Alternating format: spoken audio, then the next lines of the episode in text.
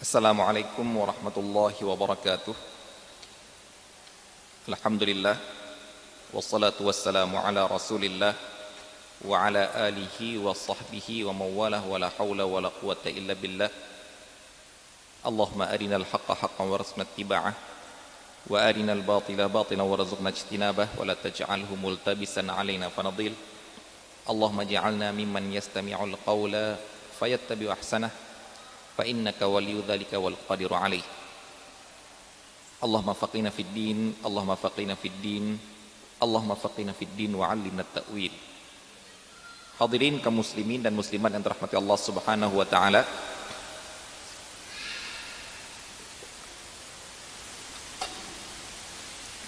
Kita akan melanjutkan kembali kajian kita dalam rangkaian kajian fikih muamalah yang mana pembahasan kita sekarang telah sampai ke dalam pembahasan salah satu bab fikih yang erat kaitannya dengan hutang.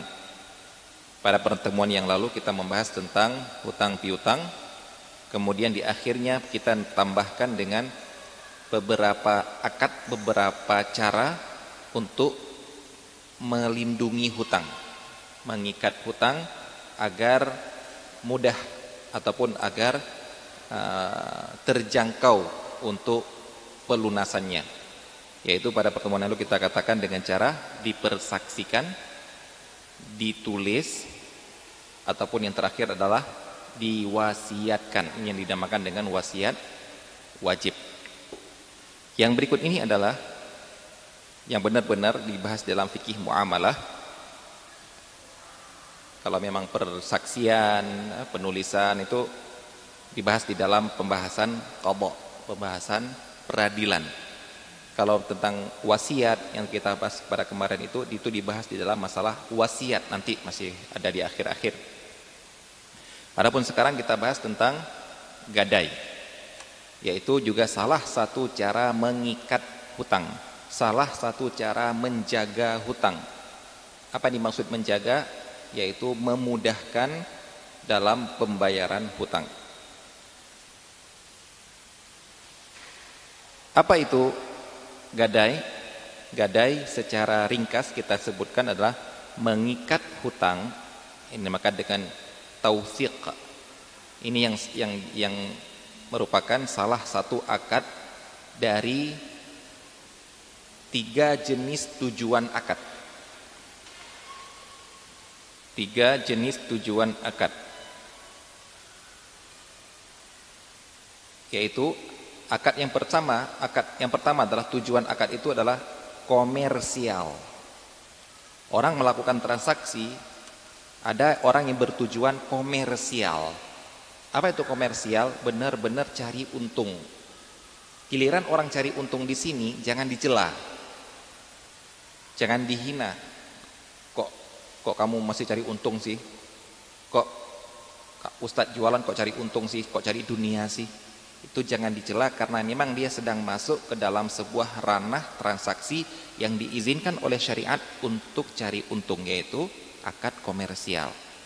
Itu sudah kita bahas seperti jual beli, sewa menyewa, syarikah, apa, syarikat dagang, salam itu yang benar-benar untuk cari untung. Yang kedua jenis, yang kedua adalah at-tabarru'i akad yang tujuan transaksinya adalah sosial, derma. Tujuannya adalah cari pahala dari Allah Subhanahu wa taala. Tidak ada unsur di dalamnya cari keuntungan. Ini pintu yang kedua. Jadi kalau mau cari untung, tolong buka pintu yang komersial. Diizinkan oleh syariat, terserah. Tapi untuk pintu yang sosial ini, ini memang pintu disiapkan untuk orang muamalat sesama manusia tapi tujuannya akhirat. Apa di antaranya? Hutang piutang. Gak boleh ngambil keuntungan di dalamnya. Pinjam meminjam, tidak ada keuntungan di dalamnya, dikembalikan barang itu juga. Ya. Hadiah, gak ada tujuan komersial di dalamnya.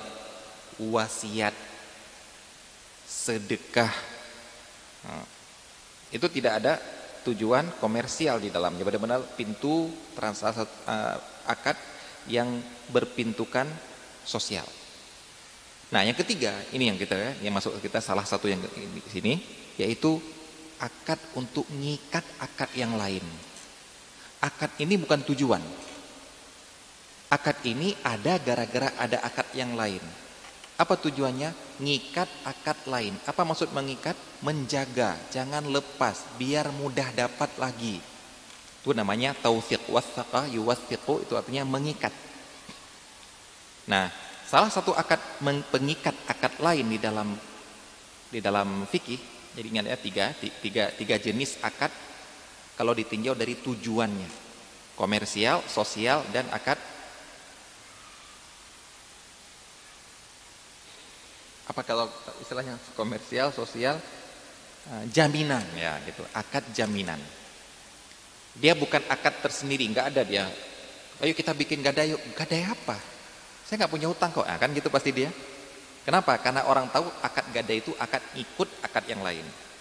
Baik, sekarang kita lihat gadai adalah akad mengikat hutang dengan harta. Kemarin kita akad ikat hutang pakai tulisan. Kemarin kita akad hutang pakai persaksian orang. Kemarin kita kita ikat hutang pakai pesan. Pesan wasiat. Nah, Bapak punya hutang sama itu. Sekarang mari kita akad hutang dengan benda, dengan harta yang kita punya. Dan ini uh, mohon diperhatikan karena memang ini yang saya anjurkan kalau ada orang pinjam dalam nilai yang tinggi. Yang dan maksud nilai tinggi adalah yang sulit bagi anda kalau untuk mengikhlaskannya.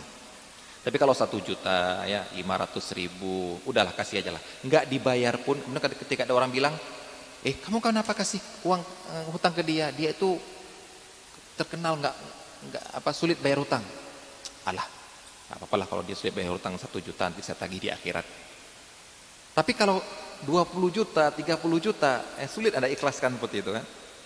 Jadi, kenapa kamu kan sulit bayar? Santai, ada jaminan.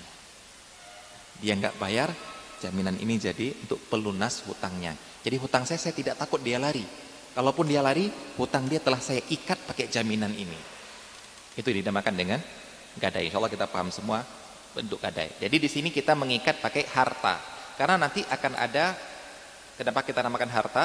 Akan ada yang dinamakan mengikat hutang pakai orang.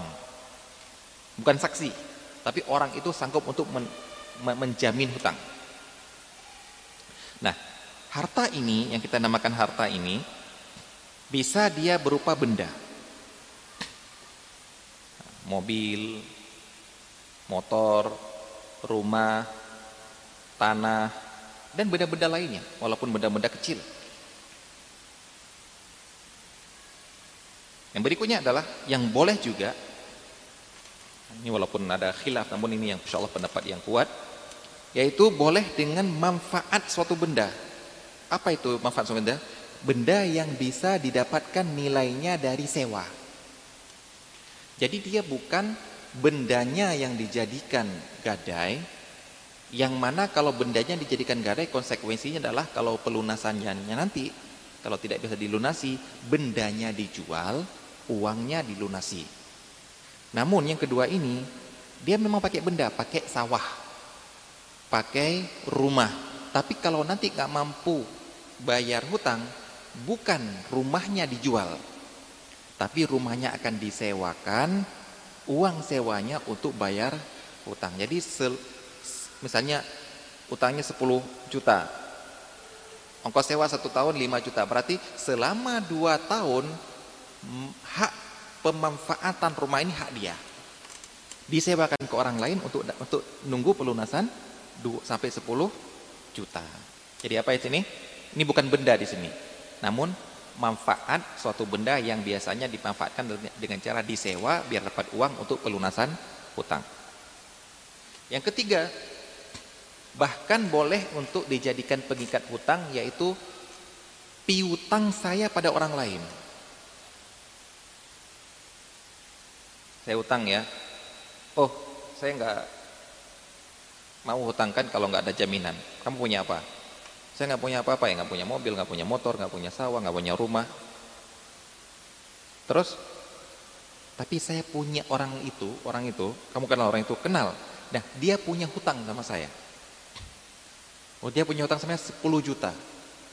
Mau nggak kamu hutangin saya 8 juta, nanti jaminannya hutang saya ada di sana. Mau? Mau. Seperti ini. Jadi dijadikan nanti dia kalau mau nagih ke saya, ternyata nggak ada, dia bisa nagih ke sana. Itu jadi akad baru itu dinamakan nanti hawalah nanti akan ada. Hawalah itu pengalihan hutang. Yang seharusnya saya nagih ke sana, saya nyuruh dia nagih ke sana. Baik, nanti akan kita lihat. Jadi gadai kata Syekh Muhammad bin Saleh Al-Utsaimin ini bisa dengan ketiga-tiga harta benda ini. Kemudian dikatakan di sini nilai atau harga benda tersebut benda yang tadi kita katakan yang boleh dijadikan yang boleh dijadikan untuk pengikat hutang nilai benda tersebut bisa menutupi hutang ataupun tidak bisa menutupi hutang. Kedua-duanya boleh dijadikan gadai. Apa maksudnya ini? Pak, saya hutang sama Anda 50 juta. Oh 50 juta, kalau 50 juta saya minta gadai. Baik, gadai saya motor ini. Loh kok motor? Motor ini kalau dijual laku berapa? Ya paling laku 8 juta. Boleh nggak saya menjadikan motor yang nilainya 8 juta untuk bah, untuk barang gadai nilai hutangnya sejumlah 50 juta.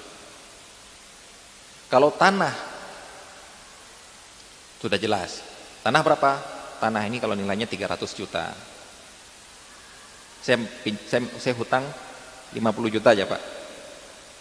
Gadainya tanah 300 juta. Itu jelas lebih. Yang mana kalau dijual nanti untuk bayar hutang pasti ada kelebihannya. Lah sekarang motor 8 juta, hutang 50 juta. Boleh atau tidak? Boleh. Jadi bukan berarti tidak sah motor yang 8 juta dijadikan gadai utang 50 juta. Tidak. Tapi akad tersebut adalah tetap sah, tetap bisa dinamakan gadai. Karena ya bisa untuk melunasi 8 juta dari 50 juta. Baik, kemudian kita lihat. Hukum gadai, hukumnya boleh. Mubah. Dalilnya adalah Al-Quran surat Al-Baqarah ayat 283 yang sudah kita lihat kemarin. Uh, yang mana ayat 282 itu ayat tentang hutang. Yang di dalamnya ada persaksian dan penulisan hutang. Nah di dalam surat Al-Baqarah ayat 283 ini Allah subhanahu wa ta'ala mengatakan wa in kuntum ala safarin wa lam tajidu katib takatiban farihanum maqbudah. Kalau kamu berhutang dan kamu sedang dalam keadaan safar yang mana dalam safar itu kamu tidak tidak punya orang untuk penulis hutang nggak ada orang yang bersaksi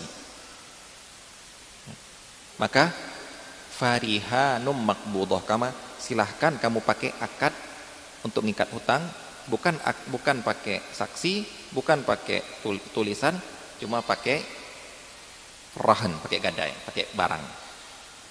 Nah, di dalam ayat ini Allah Subhanahu mengatakan wa in kuntum ala safarin. Kalau kamu dalam keadaan safar. Nah, kemudian kita katakan apakah ayat ini apakah gadai dengan ayat ini? Apakah kemudian kita katakan gadai berarti hanya sah ataupun berlaku ketika safar? Bagaimana kalau tidak safar? Misalnya saya di sini, Lumajang. Saya bukan safar. Anda yang ada di Lumajang. Hutang sama orang yang ada di Lumajang. Apakah boleh pakai gadai? Oh, nggak boleh karena dalam ayat surat Al-Baqarah 283 dikatakan kalau kamu lagi safar pakai gadai. Ini tidak benar. Namun ayat tadi hanya menyebutkan kalau kamu dalam keadaan safar kemudian tidak ada yang menulis, tidak ada saksi, maka silakan pakai gadai. Itu dikatakan kharaja makhrajal ghalib. Umumnya orang kalau yang lagi safar nggak ada penulis. Sendiri dia nggak ada ada yang mau bersaksi itu dia. Umumnya jadi ini katakan kharaja makhrajal ghalib bukan berarti syarat gadai harus safar buktinya juga yaitu dalam sunnah Rasulullah sallallahu alaihi wasallam merupakan perbuatan Rasulullah sallallahu alaihi wasallam sendiri beliau membeli sesuatu dari orang Yahudi kemudian secara uh, hutang kemudian yang dijadikan barang gadai adalah baju perang beliau, baju besi beliau. Nah, ini bukan dalam keadaan safar beliau ini. Ini menunjukkan gadai boleh dilakukan walaupun tidak dalam keadaan safar. Nah, begitu juga ijma' para ulama mengatakan bahwa sama akad gadai itu akad yang dibolehkan di dalam syariat, dalam fikih. Mari kita lihat sekarang benda yang yang boleh digadaikan.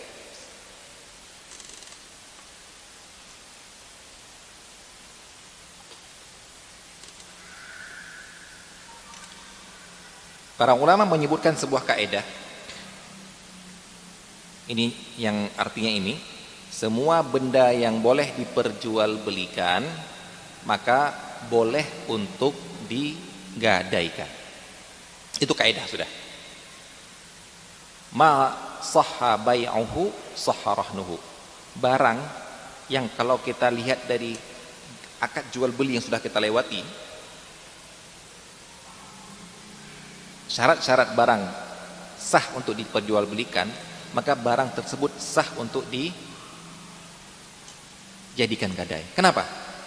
Karena tujuan gadai adalah kalau tidak mampu bayar, barang itu akan dijual.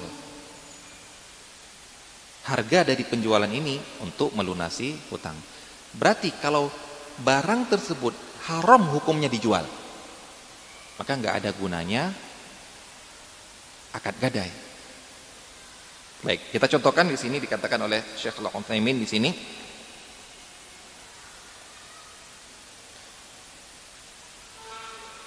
Contoh yang tidak boleh diperjualbelikan boleh mencontohkan di sini adalah gadainya adalah orang. Saya hutang hutang 50 juta. Jaminannya mana? Anak saya ini, anak laki-laki saya. Gak boleh. Kenapa? Karena anak anak ini nggak boleh dijual. Beda kalau budak hamba sahaya, boleh. Karena dia nanti bisa diperjualbelikan. Yang berikutnya adalah uh, di antara barang benda yang tidak boleh diperjualbelikan, anjing misalnya. Anjing haram diperjualbelikan. Ataupun najis, haram diperjualbelikan. Minuman keras, haram diperjualbelikan.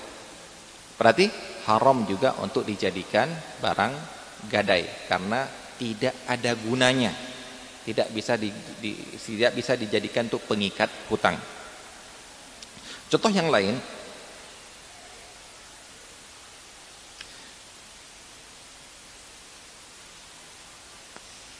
Contoh yang contoh kita tidak ini contoh yang tidak boleh yang tidak boleh karena tidak boleh diperjualbelikan. Tadi kita sudah bilang adalah seperti orang orang merdeka berarti kemudian anjing atau benda-benda najis yang ketiga, contohkan di sini adalah barang wakaf. Masjid ini punya tanah wakaf.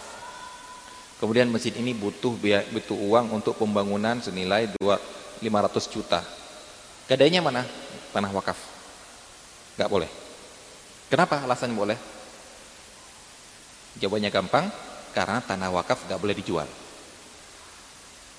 Sehingga tidak ada gunanya gadai karena gadai itu tujuannya kalau nggak mampu bayar akan dijual barang gadai. Ini gadainya wakaf. Wakaf nggak boleh dijual, berarti tidak sah dijadikan barang barang wakaf untuk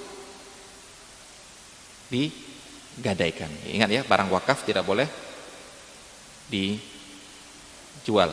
Karena wakaf itu ketika orang mewakafkan sesuatu, itu dia mengatakan sudah berpindah kepemilikan dari orang yang punya ke pada Allah. Sudah bukan saya wakafkan tanah ini untuk masjid.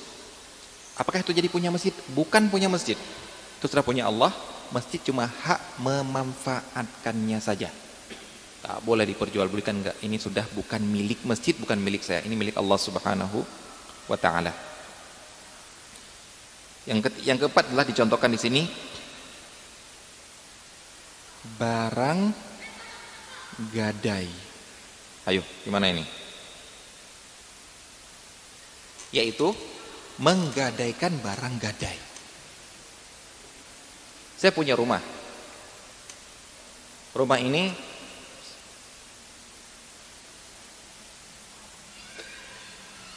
sudah saya gadaikan.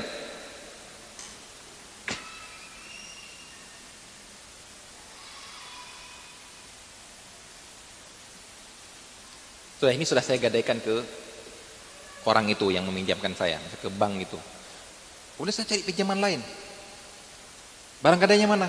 Rumah ini lagi, nggak boleh. Karena rumah ini sekarang sudah terikat dengan hutang itu. Yang kalau dijual untuk melunasi hutang itu.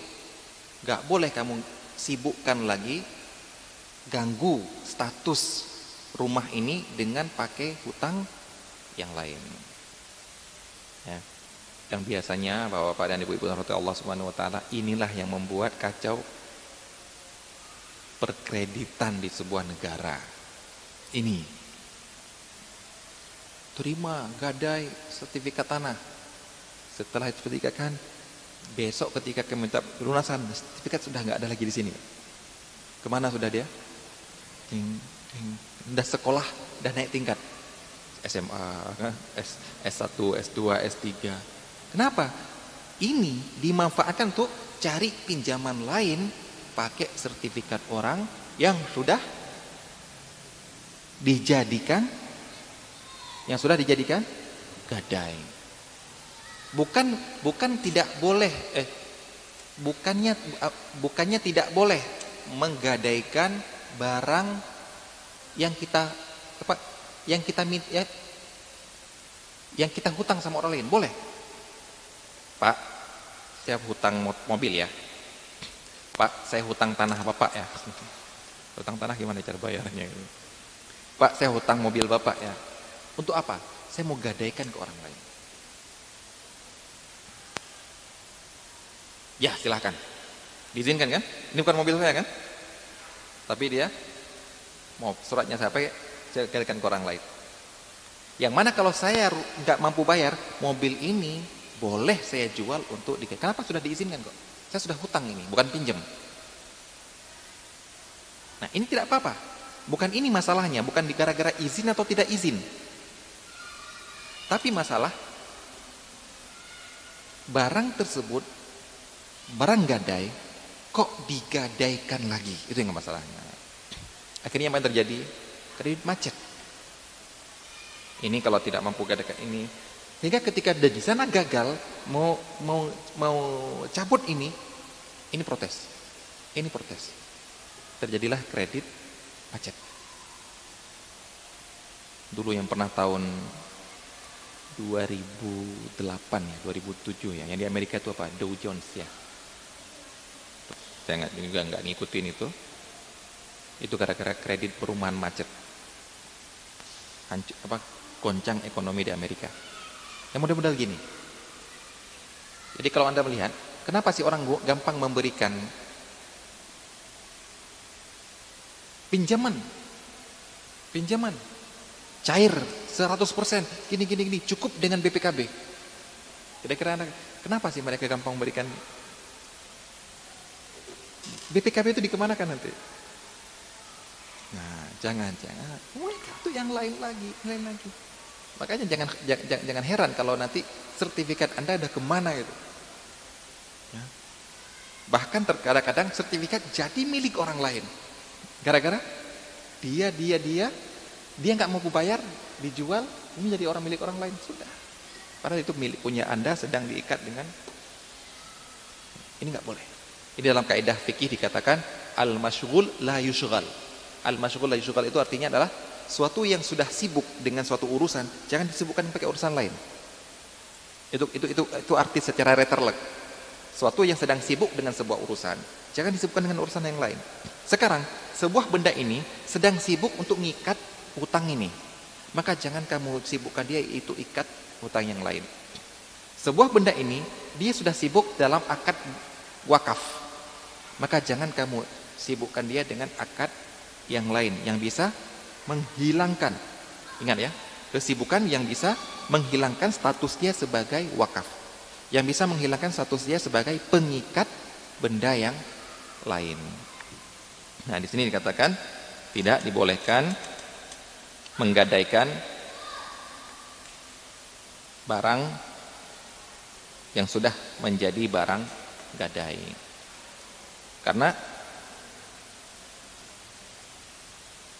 barang gadai itu barang yang satu sebagai tidak boleh dijual. Kecuali dengan izin si kreditur. Jadi kalau Anda lihat iklan jual motor STN Kato ST silakan motor Supra ST aman katanya. Boleh beli nggak boleh. Bukan gara-gara bodongnya. Bukan gara-gara dia adalah bodong. Bukan. Karena kalau bodong kalau memang milik dia benar-benar milik dia ya boleh-boleh saja. Pak BPKB hilang. BPKB hilang. Nah, ini memang punya saya Pak. BPKB hilang. Boleh beli? Boleh beli. Walaupun secara apa secara keamanan mungkin ya sulit. Tapi secara hukum sah belinya. Tapi kalau dibilang BPKB sedang dikoperasi nggak boleh beli nggak sah jual belinya karena motor ini sedang dalam kesibukan untuk ngikat suatu hutang sekarang kita beli bisa membuat ikatan ini putus, ikatan ini kendor sehingga sulit untuk melunasi utang yang di koperasi itu. Kapan boleh? Kalau diizinkan sama orang koperasi itu. Baik, ini yang tentang motor-motor ataupun mobil-mobil yang jualnya ST, STN Kato karena dia sedang sekolah di koperasi. Kemudian beliau mengatakan boleh menggadaikan bagian hak haknya dari harta kongsian. Apa itu harta kongsian? Harta satu sawah punya A dan B. Berapa persen? 50-50 ataupun kita katakan 30 persen dan 70 persen. 30 persen punya si A, 70 persen punya si B. Waktu itu belinya si A kasih uang 30 juta, si B kasih uang 70 juta dan harga tanah waktu itu adalah 100 juta. Sekarang harganya berapa? Sekarang harganya 400 juta. Naik 4 kali lipat. Nah, si B kemudian dia ingin ma ingin ma, ma berutang. Kemudian dikatakan saya hutang kemudian tanah yang apa yang saya jadikan yang saya jadikan gadai adalah bagian saya nah, bukan tanah seluruhnya bagian saya dari tanah ini sejumlah 70 persen. Baik. Kalau nggak kalau nggak bisa bayar nanti gimana caranya? Kalau nggak bisa bayar gimana caranya? Maka bagian tanah yang 70% ini dijual untuk melunasi hutang tersebut. Baik, ketika dijual, ketika si B mau menjual 70% bagian ini, gimana dengan si A? Maka ini ada kasus sendiri nanti ataupun pembahasan sendiri dalam fikih dinamakan babu syuf'ah. Bab syuf'ah itu adalah bab yang membahas tentang hak kongsian antara dua orang. Yaitu di sini secara ringkas saya katakan si B ketika mau jual untuk lunasi hutang tadi karena dia jadikan gadai, dia harus minta izin sama si A. A, saya mau jual tanah ini ke orang lain. Bukan tanah ini, mau jual hak saya ke orang lain. Yang berarti nanti wahai A, kamu partner kamu, kongsian kamu bukan sama saya lagi, sama si C. Tetap bagiannya 70 30. Berapapun yang saya jual kepada dia terserah saya itu. Misalnya nilai tanah ini saya katakan tadi sekarang 400 juta. Kalau 400 juta berarti 70 kali 4 ya. 280 ah, sebenarnya ya. Tapi si B demi biar cepat laku, dia jual 150. Itu terserah dia. Yang penting itu bagiannya tetap 70%. Jangan bilang, saya jual kamu nanti bagiannya enggak. Tetap saya jual bagian saya 70% tapi dengan harga 150. Boleh? Boleh. Cuma si B, si, si B harus kasih tahu si A dulu. Kalau si, A bilang, ya boleh. Siapa pun yang kamu jual dia menjadi partner saya, saya izinkan. Tapi silahkan dijual. Kenapa kita minta izin si B, si A? Karena terkadang, bayangkan bagaimana syariat menjaga menjaga uh, agar tidak terjadi pertikaian sesama manusia. Karena terkadang si A maunya berkongsi di tanah ini sama cuma sama si B. Kalau kamu sama si C, saya dari dulu nggak mau kongsian kongsian sama dia. Kok sekarang tiba-tiba dia menjadi teman kongsi saya di tanah ini? Gak mau saya. Nah, makanya si A, si B harus minta izin ke si A. Jangan-jangan ketika si B mau jual, si A yang beli. Oh B, saya nggak mau kong kongsian sama orang lain. Kalau kamu mau jual, saya yang beli. Berarti sekarang tanah ini menjadi milik si A se semuanya. Ini pembahasan syuf'ah nanti. Yang ingin kita sampaikan adalah tetap boleh si B menjadikan barang gadai dari utang dia adalah bagian, bukan seluruh tanah. Bagian yang menyebabkan siapa pun yang membeli nanti untuk melunasi hutang dialah yang menjadi partner si partner si A. Yang berikutnya. Baik, sekarang saya katakan, oke, kita kita masuk ke sini. Kita masuk ke sini. Masih masih di sini. Masih di dalam poin semua benda yang boleh diperjualbelikan boleh untuk digadaikan. Sekarang pertanyaannya. Ada, ada pertanyaan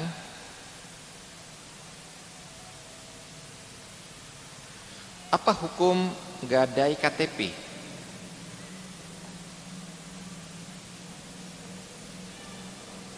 Sah atau tidak?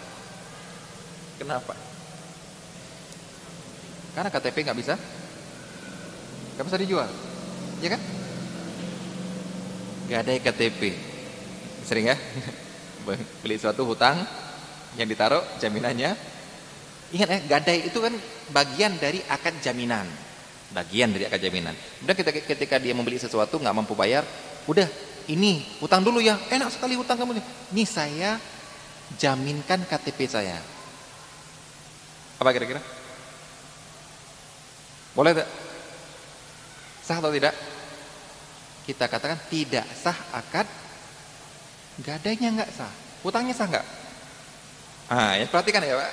Nggak sah akad gadai berarti bukan berarti hutang nggak nggak berlaku. Hutang itu sudah terjadi, sudah ada. Gadainya untuk ngikat. Jangan gara-gara nggak bisa diikat kambingnya kemudian dianggap nggak ada. Kambing itu ada. Ikatannya yang lepas. Ikatannya nggak bisa pakai yang nggak bisa diikat pakai benang benang jahit. Nggak, bisa dipakai benang jahit untuk ikat kambing. Nah sekarang ada mengikat hutang pakai KTP, nggak bisa. Secara fikih kita katakan. Cuma, wallah taala alam, Ketika orang menggadaikan KTP, ini menurut saya adalah walaupun dia katakan gadai, jaminan, tapi jangan dalam fikih kita bawa ke dalam akad gadai karena akad gadai itu ujung-ujungnya akan dijual. Berarti di sini tapi apa orang kira-kira? Makanya kita tanya, apa tujuan kamu menggadaikan KTP? Dan kamu wahai pedagang kok mau digadaikan KTP? Kira-kira apa tujuannya? Mari kita lihat dulu. Gimana? Kepercayaan. Percayaan apa aja maksudnya? Jadi sebenarnya orang ngadakan KTP itu bukan untuk KTP-nya dijual. Semua orang paham ya. Cuma agar orang itu datang lagi. Itu dia. Saya mengadakan KTP, eh nggak sah gadai KTP. Iya, sebagai akad jaminan berupa gadai nggak sah. Tapi bolehkah saya gadaikan KTP? Menurut pendapat saya, boleh. Terus masuknya ke akad mana? Ke akad kafalah. Nanti kan ada, ada sendiri nanti. Walaupun kamu bilang akad gadai, tapi dia bukan gadai sebenarnya. Perhatikan Pak ya, kita dari dari dulu sudah kita ingatkan, kita tidak terikat dengan ucapan. Tapi kita terikat dengan konsekuensi ucapan. Karena ucapan terserah mau dia ngomong hutang, pinjam, konsekuensi yang kita tahu. Nah sekarang dia bilang gadai. Oh gadai nggak boleh secara gini dalam fikih. Benar gadai nggak boleh seperti ini. Cuma apakah dia ada akad lain dalam fikih yang bisa kita bawakan ke gadai KTP? Menurut saya Allah taala alam ada yaitu kafalah. Apa itu kafalah? Kafalah itu akad jaminan agar orang itu nggak lari bisa dibawa, bisa didatangkan ketika pembayaran. Nah KTP bisa dipakai untuk itu. KTP saya taruh di sini. Tapi sulit juga ya, nanti dia bikin KTP baru. bikin KTP baru. Tapi yang jelas ini suatu yang sangat urgen wallah kalau di negara kita urgen nggak pakai KTP kalau bisa bikin KTP baru. Urgen yang mana saya nggak mau kehilangan saya sulit ngurusnya maka saya harus datang lagi ke toko itu untuk ngambil KTP kemudian untuk saya bayar. Boleh nggak itu? Boleh. Karena al aslu fil muamalah al hil pada dasarnya muamalat itu boleh-boleh saja kecuali yang melanggar. Yang melanggar adalah kalau KTP itu dijual itu melanggar tapi KTP ini untuk menjaga dia biar, datang lagi. Baik. Yang berikutnya, gadai SK ASN. Ada kan? Ma'ruf itu. Gadai SK ASN untuk pinjam di bank. SKS ini ini ini pun enggak enggak enggak saya sekarang nggak bisa bayangkan apa sih tujuan orang meng, kalau KTP masih, masih bisa saya bayangkan. Saya sebagai orang pedagang, punya punya toko, saya mau menerima KTP Anda gara-gara saya yakin Anda balik lagi untuk ngambil ini. Baik, SKKSN apa tujuannya? Kira-kira apa? Orang mau menerima. Baik, kita tanya yang mau menerima. Kalau mau ngasih terserah kan. Yang mau menerima itu sebagai barang jaminan gara-gara apa kira-kira? Loh kalau gaji kan tinggal potong tanpa harus ada SK. Kalau gaji kan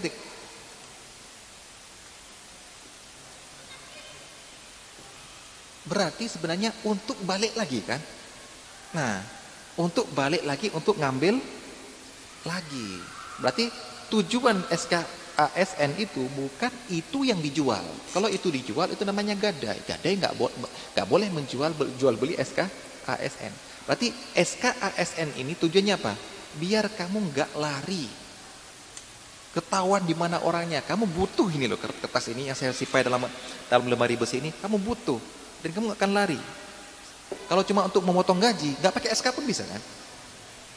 Ya, udah, kamu pokoknya akan dipotong gaji rutin. Nah, jadi perhatikan ya. Baik. Sekarang yang biasa terjadi gadai BPKB. Di mana ini? Kalau kita praktek, kalau kalau kalau kita melihat dengan semua barang benda yang boleh diperjualbelikan, maka ada BPKB nggak bisa. Kenapa? Karena BPKB nggak nggak bisa dijual, ataupun nggak, ataupun ya beda dengan maling ya jual jual BPKB, jual STNK, mobilnya motornya udah rusak, jual STNK, ada ya? Itu penipuan itu. Karena nomornya beda. Hanya jual SNK biar nanti kalau perlihatkan ke polisi, wah lewat. Padahal motornya sama, Supra Supra tapi nomornya beda. Itu tuh penipuan itu sebenarnya. Nah, sebenarnya kalau emang nggak hilang STNK ya diurus insya Allah kan ada. Ya itu jual BPKB. Kalau nggak diberi, kalau nggak diberi benar-benar nomornya pasti beda. Baik, sekarang gadai PPKB ini saya ingin sampaikan karena ada sebagian ustadz, ada sebagian ustadz yang menganggap gadai PPKB itu tidak sah. Kenapa? Karena beliau berpendapat seperti kaidah tadi. Kaidah tadi mengatakan apa? Itu kaidah itu dipegang terus. Barang semua barang yang boleh diperjualbelikan bolehkan.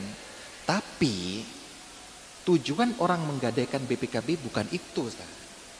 Enggak ada orang yang menerima pinjaman atau memberi pinjaman kemudian menerima BPKB, bayangan dia adalah BPKB ini untuk dijual. Itu enggak ada.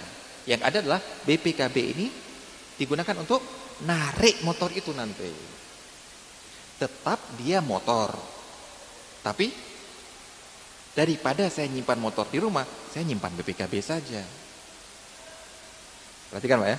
Memang jadi inilah yang sering kita, yang anak katakan terkadang beda pendapat Ustaz itu gara-gara beda sudut pandang. Sudut pandang Ustaz ini memakai kaedah ini. Kaedah ini barang yang tidak bisa diperjualbelikan, tidak bisa digadaikan. Beliau melihat BPKB tidak bisa dijual, berarti tidak bisa digadaikan. Nah, sudut pandang lain, yang ini, ini yang nanya kini, BPKB tetap boleh dijadikan barang gadaian. Yang saya yakini adalah BPKB itu bukan BPKB-nya yang yang dijadikan jaminan untuk dijual nanti untuk di lunasi hutang, tapi motornya. Terus apa dunia BPKB? Untuk memudahkan narik motor. Untuk memudahkan kamu mendatangkan motor ke sini. Sehingga kamu ketika nanti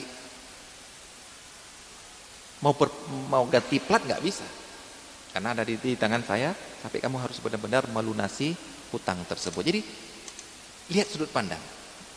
Karena kita punya punya kaidah al aslu fil muamalah mubah. Pada asalnya muamalah itu boleh. Kapan dilarang? Kalau bertentangan. Iya, kalau kamu menjual BPKB itu bertentangan.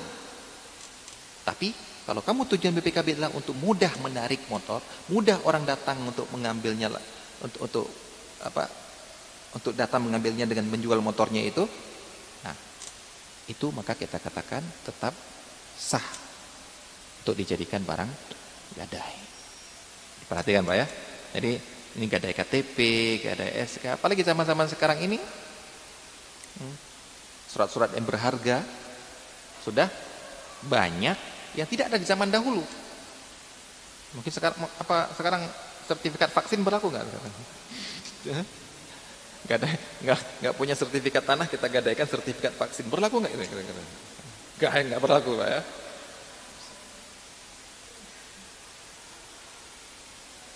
Karena sertifikat vaksin nggak akan datang dia, nggak terlalu butuh ya, nggak akan datang, Mbak. Ataupun sertifikat vaksin bisa di download dari aplikasi.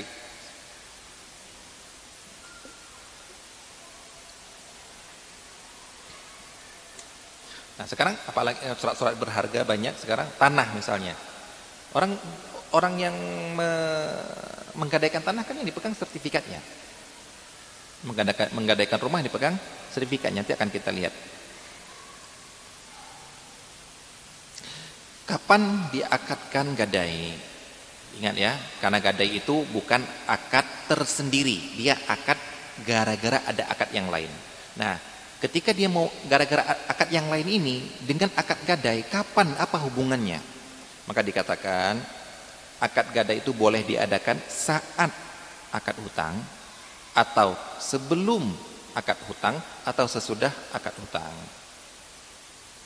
Ketika akad hutang, saya hutangkan kamu gini gini gini dengan gadai motor itu. Ataupun Pak hutang Pak uh, hutang Pak. Ya, tapi dengan syarat gadai motornya ya. Iya, Pak. Besok ambil ya. Nah, besok baru akad hutang tapi sudah di, sudah sudah dijanjikan misalnya sudah dijanjikan akan digadaikan motor maka dia harus memenuhinya. Atau sesudahnya orang punya hutang nggak nggak pakai gadai kemudian begitu sudah satu bulan ataupun ketika ditagih nggak nggak nggak nggak ada oh kalau gitu saya minta minta gadai jadi dia melakukan akad gadai gara-gara hutang yang tahun lalu. Gara-gara hutang yang hutang yang sebelumnya mengikat hutang itu. Pak kalau gitu saya minta gadai Pak ini Pak. Kalau Bapak nggak belum bisa bayar ini saya minta gadai. Karena ini saya khawatir nanti bertahun-tahun nggak bisa uh, bayar. Jadi saya minta gadai yang akan saya tunggu sampai tahun depan. Kalau nggak mau bayar, gadai ini akan, akan dijadikan sebagai pelunas hutangnya. Di sini kemudian beliau menyebutkan menyebutkan sebuah pendapat yang ada juga pendapat lain yang melarangnya yaitu boleh membeli barang secara hutang lalu menjadikan barang tersebut sebagai gadai dari hutang itu. Biasanya hutang gadainya sawah saya yang sudah saya miliki tahun bertahun-tahun yang lalu. Gadainya motor saya yang sudah saya miliki bertahun-tahun yang lalu. Ini enggak, saya beli motor secara hutang, kredit. Gadainya apa? Motornya. Saya beli rumah secara kredit. Gadainya rumahnya. Saya beli apalagi ya biasanya gini. Mobil secara kredit, gadainya mobilnya. Ini dikatakan oleh beliau boleh. Ada pendapat ulama yang lain mengatakan tidak boleh. Tidak boleh menjadikan barang yang sedang dalam transaksi jual beli kemudian dalam transaksi jual beli ini dijadikan ini sebagai barang gadai. Ya. Tapi itulah namanya perbedaan pendapat. Nah, yang ini ada sebagian orang developer mengambil pendapat ini, dia bingung ketika menjual rumah secara kredit. Karena dia berpendapat nggak boleh rumah ini jadikan kredit. Ada sebagian orang, bagian sebagian, sebagian kelompok yang berpegang pada pendapat tidak boleh menjadikan barang yang dijual secara kredit dijadikan sebagai barang gadai. Nah, dia ini sebagai developer rumah. Yang mana developer biasanya mengkreditkan rumah, jaminannya rumah itu. Akhirnya dia apa? Bingung gitu. ya nggak bingung juga sih, akhirnya dia nggak bingung karena banyak pilihan jaminan yang lain yang ada di dalam syariat, bukan hanya gadai. Akhirnya mereka jadikan apa? Pakai kafalah ataupun doman, minta orang lain yang menjamin.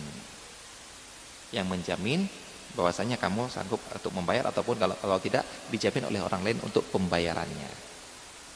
Baik. Jadi boleh membeli barang secara hutang dan barang itu langsung diakad itu dijadikan sebagai barang gadai terhadap hutang dari barang itu. Baik, keterikatan gadai. Sudah adzan belum? Keterikatan gadai. Dua menit lagi, langsung. Kita tutup ya. Baik. Dua menit lagi adzan atau satu menit lagi. Kita akan lanjutkan pada kesempatan berikutnya itu keterikatan. Bagaimana kita lihat barang tersebut terikat. Terikat maksudnya tidak boleh di tidak boleh dibatalkan. Itu maksudnya. Siapa yang tidak boleh membatalkan dan siapa yang boleh untuk membatalkan akad gadai yang sudah berlaku pada benda ini. Nanti akan kita lanjutkan. Wassalamualaikum warahmatullahi wabarakatuh.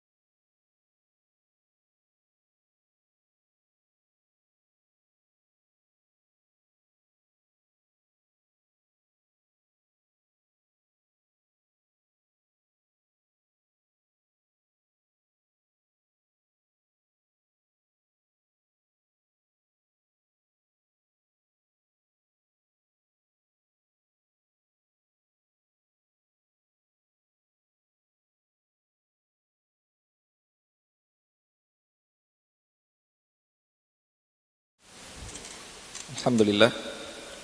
Wassalatu wassalamu ala rasulillah wa ala alihi wa sahbihi wa mawala wa la hawla wa la illa billah. Sekarang kita masuk masih dalam pembahasan gadai yaitu tentang keterikatan barang gadai tersebut. Dan ternyata akad gadai itu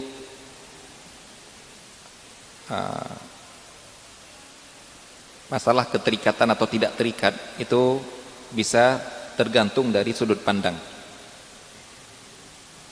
Sebagaimana hutang yang telah kita bahas kemarin, hutang itu dari sisi orang yang menerima hutang, si debitur, dia itu akadnya adalah akad jaiz. Jaiz itu dia boleh mengembalikan kapan pun walaupun sebelum waktunya. Adapun uh, si kreditur, si pemberi hutang, dia akad hutang yang dia lakukan adalah lazim. Apa maksud lazim? Dia tidak boleh menagih kecuali dia tidak boleh menagih kecuali kalau sudah datang waktunya. Nah, untuk akad gadai juga seperti itu, jaiz dan lazim. Perhatikan uh, uh, apa istilahnya? Istilah ini sudah kita lewatin beberapa pertemuan yang lalu yaitu akad jaiz itu boleh diputuskan, boleh dibatalkan sepihak. Kalau lazim tidak boleh membatalkan sepihak. Adapun kalau membatalkan kedua belah pihak dengan kesepakatan itu sudah sudah sesuatu yang dimaklumi. Apa pun boleh membatalkan sesuatu uh, dari kedua belah pihak. Nah, dari sisi penerima gadai akad gadai itu, itu adalah jais. Apa maksudnya jais ini? Berarti boleh dibatalkan sepihak. Misalnya dia sudah menerima motor sebagai barang gadai, kemudian males dia jaga motor itu, males dia nyimpan motor itu, akhirnya dia bilang ke pemiliknya, eh datang ke sini, ambil motormu. Loh itu kan barang gadai pak, udah udah nggak usah gadai-gadai. Saya batalkan akad gadai. Sepihak dia, tanpa minta izin-izin dulu. Udah ambil aja, saya batalkan akad gadai. Karena ingat akad gadai itu kan akad ikatan. Dengan membatalkan akad gadai, hutang masih ada. Yang antum putuskan cuma cuma cuma talinya, kambingnya masih masih masih ada. Yang di yang diputuskan cuma rantainya, Sepedanya masih ada. Nih yang saya putuskan, yang saya batalkan akad gadainya. Hutangnya masih ada. Masih memudahkan kamu saja. Silakan pakai barangmu mau kamu jual terserah, hutangmu tetap ya. Adapun yang kalau kita katakan lazim si pemberi gadai ini, si pemberi gadai berarti siapa dia? Debitur. Yaitu orang yang menerima hutang. Dia yang pemberi gadai dia lazim. Berarti kalau sudah diakatkan ini barang gadai, maka dia tidak boleh membatalkan sedikit pun. Nah, tidak boleh batalkan sepihak. Yang berarti kalau kita katakan membatalkan tidak boleh batal, itu kalau kita katakan tidak boleh batalkan, berarti tidak boleh jual.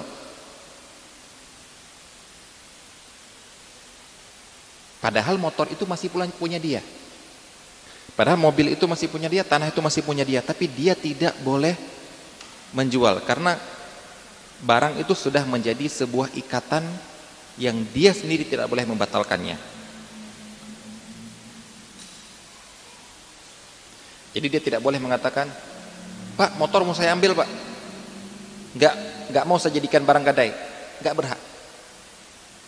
Karena kamu sudah dari awal sudah setuju motor itu sebagai barang gadai, kemudian kamu mau batalkan sendiri, tidak. Akan tetapi kalau saya, saya sebagai penerima gadai, pemberi hutang, kalau saya mau membatalkan, itu terserah saya. Ambil sana motormu, saya nggak perlu apa nggak usah pakai gadai-gadai. Kalau ada pun dia, mana motor saya? Gak usah gadai-gadai. Gak ada itu, gak berlaku. Kenapa itu? Karena konsekuensi ini. Konsekuensi dari akad akad gadai adalah jaiz dari penerima gadai, lazim dari si pemberi gadai. Dan si pemberi gadai ini juga ataupun debitur ini nggak boleh dia jual kemudian ambil dari si A ya. Dan saya jual motor itu ambil dari si A. Si, si, si ini datang, Pak mana motor si B? Siapa kamu? Saya sudah beli pak. Kapan dijual? Kemarin. Oh nggak boleh. Ini barang gada ini dengan saya, nggak boleh ngambil kamu. Nah, ini yang dikata-katakan akad itu lazim ataupun jaiz. Yang berikutnya, nah setelah kita ketahui tadi lazim, lazim dari sisi siapa? Debitur. Kapan dinamakan akad? Nah, kapan dinamakan barang gadai itu motor itu si debitur nggak boleh ngotak-ngatik lagi. Maksudnya ngotak-ngatik nggak boleh dijual lagi. Kapan?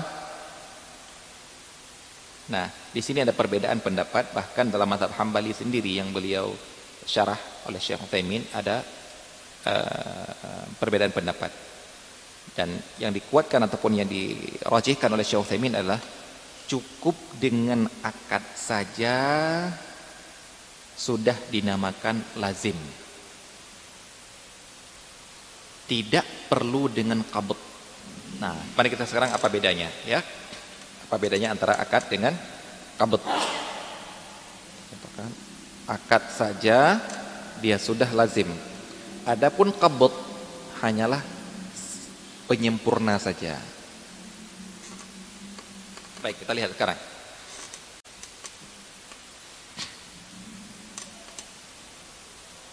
Menurut pendapat ini berarti kalau saya si pemberi hutang.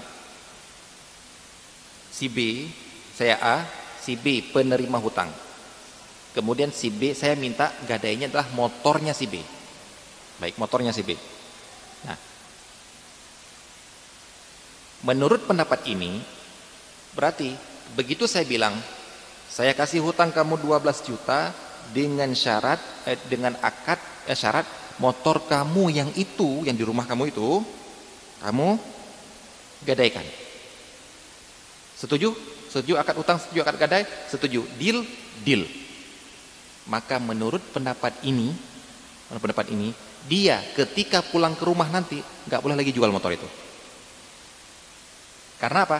Karena motor itu sekarang sudah lazim kepada dia, tidak boleh dibatalkan, berarti dia tidak boleh menjual motor itu. Menurut pendapat ini. Karena apa? Karena hanya dengan sekedar deal walaupun motor belum diserah terimakan di, di tempat saya.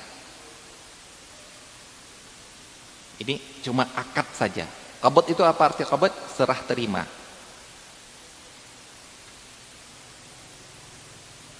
Nah, walaupun saya bilang motornya besok dibawa ke sini ya.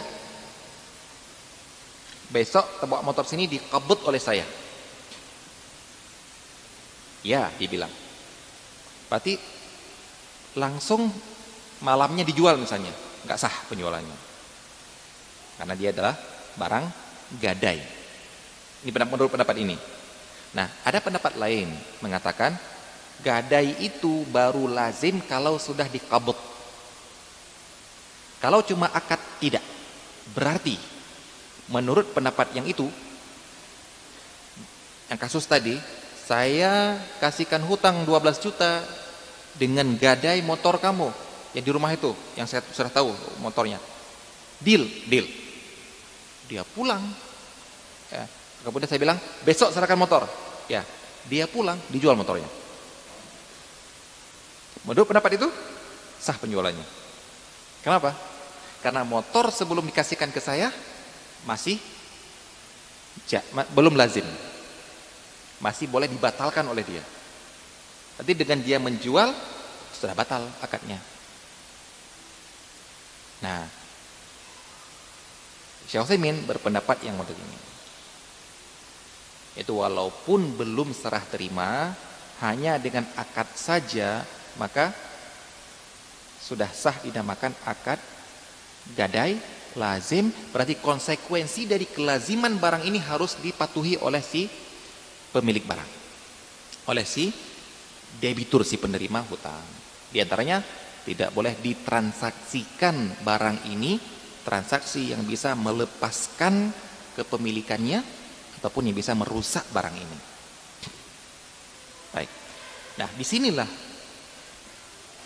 para ikhwan sekalian, di sinilah yang kita kembali yang tadi tentang gadai BPKB. Apakah gadai BPKB apa? Gadai BPKB. Pertanyaannya. Apakah serah terima BPKB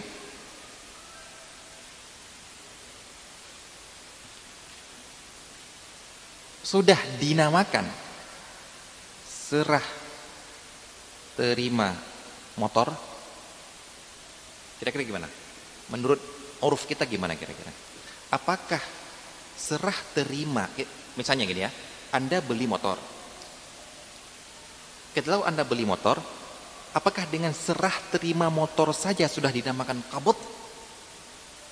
Yang mana kalau kabut itu Anda sudah boleh jual lagi kan? Atau belum dinamakan Anda mengkabut motor kecuali kalau Anda sudah dapat BPKB? Gimana kira-kira? Apakah cukup dengan motor atau harus dengan motor dan BPKB? Hah? Berarti apakah di uruf kita, uruf kita di sini, kalau beli motor BPKB belum selesai, nggak boleh dijual? Boleh. Boleh. Nah, berarti nggak perlu BPKB. Baik, Anda beli Anda beli tanah tanah letter C. Belum ada sertifikat, boleh jual nggak? Boleh kan? Berarti untuk jual tanah, untuk kabut tanah tidak perlu sertifikat toh. Anda beli motor bodong. Atau saya katakan biar bodong bukan pencurian, motor saya BBKB-nya rusak, hancur. Atau Anda beli motor tan BBKB ada ya, ada beli motor kosongan itu ada, ada BPKB nggak? Hah? BPKB ada ya? STNK yang nggak ada ya? Nah. Atau BPKB motor saya hancur, rusak. Kemudian saya jual. Apakah dengan menyerahkan motor sudah dinamakan kabut? Sudah. Kalau menurut saya, pandangan saya dari akad yang dilakukan di masyarakat kita, untuk motor, kabut motor saja sudah cukup. Karena apa? Karena walaupun kabut BPKB, nama masih nama orang lain loh. Apakah saya boleh menjual motor yang saya beli kemarin, BPKB-nya nama orang lain? Kira-kira hukum di, di, di masyarakat kita boleh, boleh kan? Boleh. Berarti sebenarnya akad kita di motor bukan di BPKB toh? Bukan di BPKB. BPKB itu hanya penguat, penguat kepemilikan. Seperti sertifikat tanah, saya mau beli tanpa sertifikat, sah. Sah. Tapi kalau ada sertifikat penguat, penguat. Baik, itu seperti itu ya. Nah, sekarang gadai motor ya, saya gadaikan motor, tapi yang diserahkan BPKB sudah lazim atau belum? Pertanyaannya nih. Ingat ya kata-kata lazim jaiz ya. Kalau lazim berarti nggak boleh dijual lagi kan? Kalau lazim jual uh, kalau sudah akadnya lazim berarti si pemilik motor yang sudah menggadaikan motornya dan sudah lazim nggak boleh jual lagi kan? Boleh jual lagi. Sekarang pertanyaan, pertanyaan saya, gadai motor, syaratnya gadai motor, tapi yang saya minta BPKB aja. Menurut pendapat ini lazim. Menurut pendapat yang tadi belum lazim. Karena lazimnya dengan menyerahkan motor langsung. Karena karena e, transaksi jual beli untuk melunaskan hutangnya bukan di BPKB tapi di motor. Berarti motornya harus diserahkan ke sini. Itu namanya makbudah. Sudah diserah terimakan di rumah saya. Nah, inilah yang ingin kita sampaikan. Ya, ya ataupun yang ingin Anda sampaikan, sebenarnya gadai BPKB itu jangan dibawa ke kaedah tadi, kaedah semua barang yang boleh diperjualbelikan boleh digadaikan. Itu tidak berlaku dari gadai KTP gadai-gadai BPKB gadai BPKB itu baru kita praktekkan di sini. Antum berpendapat Ustaz berpendapat gadai itu baru lazim kalau diserahkan barangnya atau tidak? Oh kalau menurut saya itu oh nggak perlu serahkan barang yang penting sudah akad berarti saat gadai BPKB itu sudah lazim tapi kalau ada antum berpendapat kalau barangnya belum diserahkan, walaupun BPKB diserahkan, tetap belum lazim. Berarti orang menjual motor yang belum diserahkan ke koperasi, nggak apa-apa. Karena motornya masih di tangan dia. Bisa dipahami ya? Namun Allah Ta'ala pendapat yang kuat dikuatkan oleh Syekh yang ini.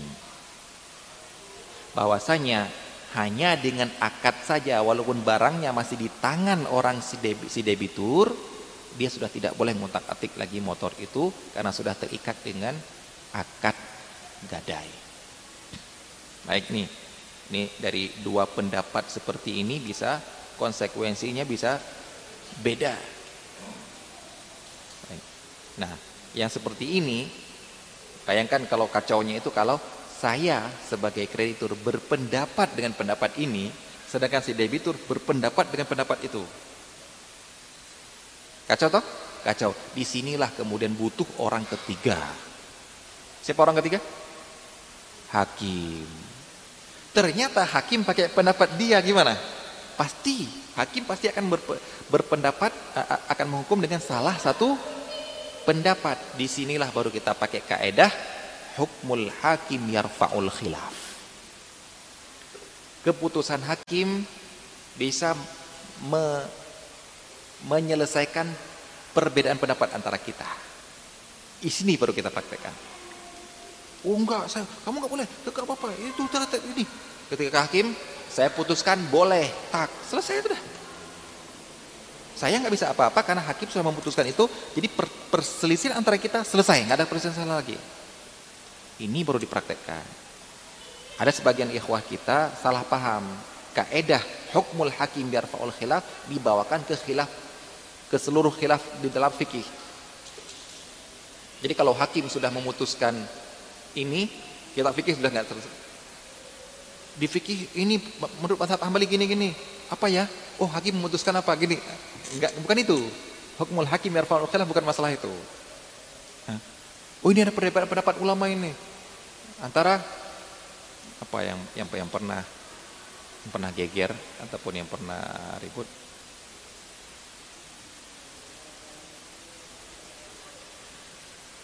Oh iya, yang pernah ribut itu masalah waktu subuh, waktu subuh. Satu ya. Waktu subuh yang ada sekarang ini benar atau terlalu cepat 20 menit. 28 menit, 24 menit. Kalau itu meyakini apa? Hah? Kalau itu meyakini apa? Udah dia bilang, tapi kan hukmul hakim follow khilaf. Oh, pinter sekali. Gitu. Ini bukan khilaf sedang perselisihan di, di pengadilan ini. Dengan berarti kan waliul amri kita sudah memutuskan jadwal salat lengkap seperti uh, itu berarti itu berlak itulah yang yang benar. Oh, enggak, enggak seperti itu. Ini bukan lagi perselisihan ini. Ini sedang memastikan karena dalilnya jelas. Dalilnya jelas waktu subuh itu ketika terbit fajar sodik.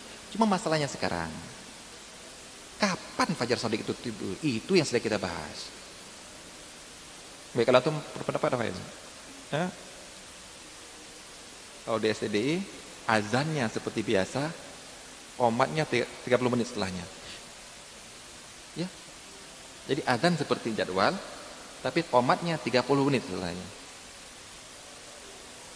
Dan anak praktekkan seperti itu. Anak praktekkan seperti itu. Daripada daripada ngambil yang ter Oke lah, seperti ini seperti inilah. Antum buka puasa itu mendengar azan yang pertama di kampung atau azan yang terakhir? Antum tanya sama antum. Azan yang terakhir. Bukan yang terakhir, yang ketiga ataupun yang lain lah. Nah, belum tentu beginilah. Gini, gini. Kaidahnya gini. Selama masih malam, dari malam masuk ke subuh, jangan bilang subuh sebelum Anda yakin. Sebelum Anda yakin subuh berarti masih malam. Ini sudah subuh atau belum? Begitu masih Anda tanya, ini sudah subuh atau belum? Berarti masih malam. Sampai Anda yakin masuk subuh. Itu kaidah itu. Baqa umakan ala makan. Selama masih siang, masih siang, gak boleh buka puasa sampai Anda yakin malam. Barang siapa yang udah belum ya? Kayaknya sudah, makan batal. Kenapa? Karena siang pasti, malam masih ragu. Malam pasti, subuh masih ragu. Daripada daripada ikut itu. Ana cuma tidak melazimkan. Ana pernah ada yang tanya pada Ana, Ustaz, gimana menurut antum gini gini gini Bapak yang mengatakan gini waktu subuh gini gini. Gini. Ana tanya sama antum, antum ahli falak bukan? Ahli falak yang paham bukan? Bukan. Ana juga bukan. Jadi itu jangan tanya sama Ana. Salah tuh tanya sama Ana. Ana bukan ahli falak. Berarti Ana mukallid dalam hal ini. Karena saya tidak, karena saya tiap hari tidak akan keluar untuk melihat matahari dan tempat saya berdiri juga tidak bisa melihat matahari di ufuk. Bukan saya bukan di laut, bukan di padang pasir. Berarti saya adalah mukallid. Saya sedang ngetaklid kepada sesuatu.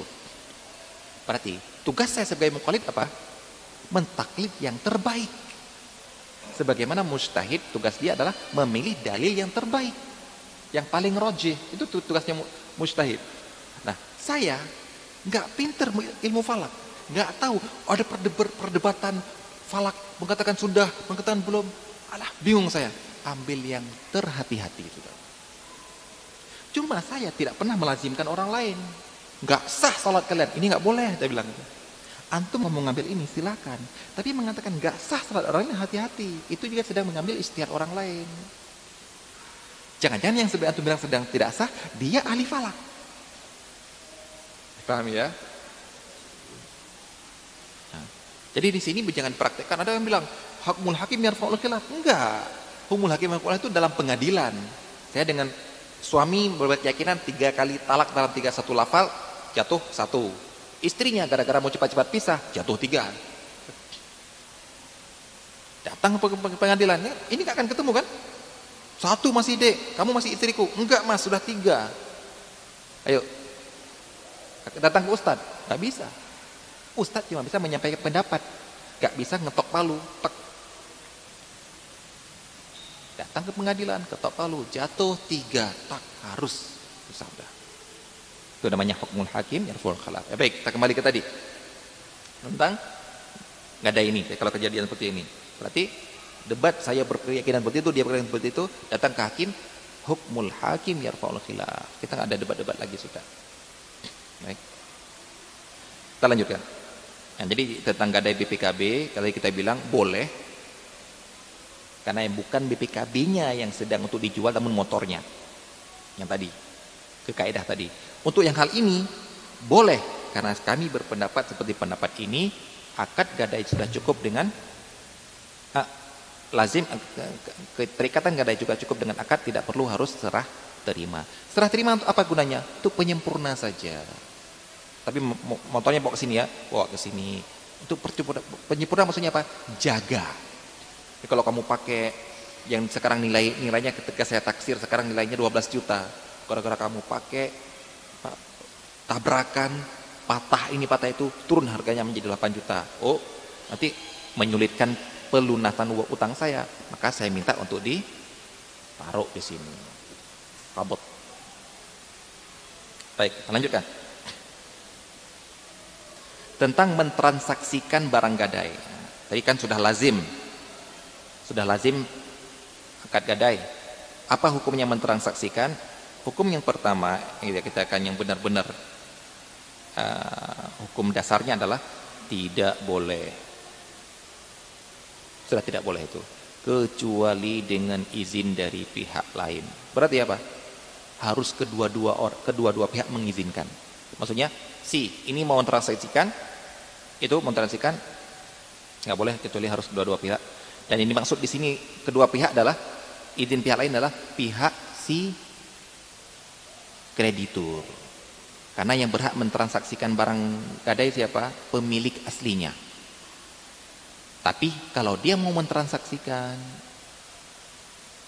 maka harus izin dulu dari si debitur. Baik.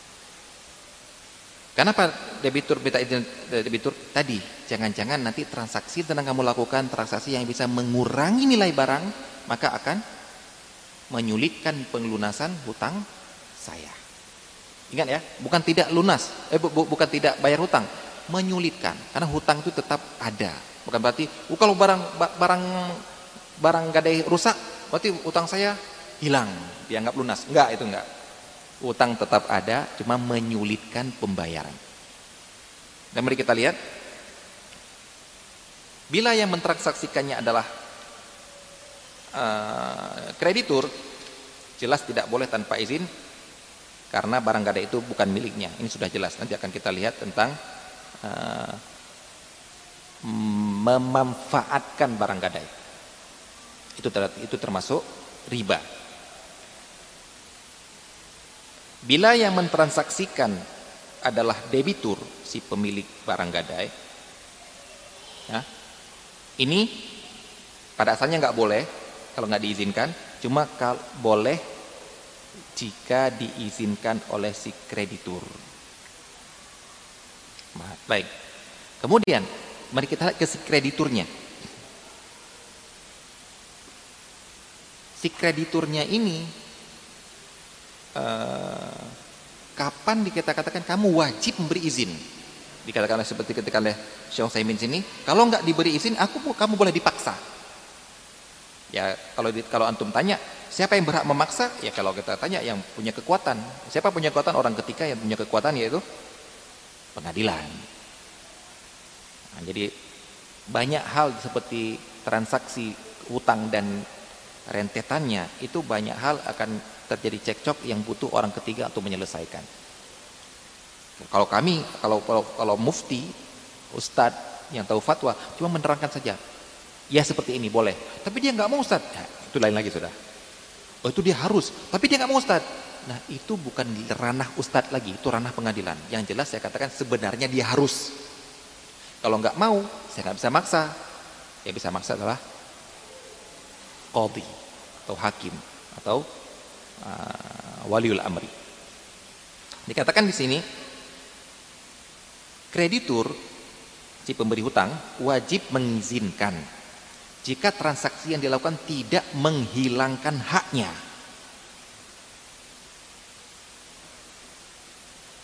Tidak menghilangkan haknya. Maksud haknya apa di sini? Kemudahan untuk bayar hutang. Nilainya nggak akan berkurang. Penggunaan ini nggak akan berkurang nilainya. Malah bisa ber, malah bisa menghasilkan. Kok dilarang? Ah, ini pelarangan kamu ini memudaratkan seseorang. Yang pertama kalau kita izinkan, kamu nggak nggak nggak kan agak ada yang berkurang dari hakmu. Malah ada satu nilai tambah memudahkan untuk bayar hutang kamu. Kok kamu larang? Berarti kamu telah memudorotkan seseorang. Maka kami akan memaksa kamu untuk membolehkannya.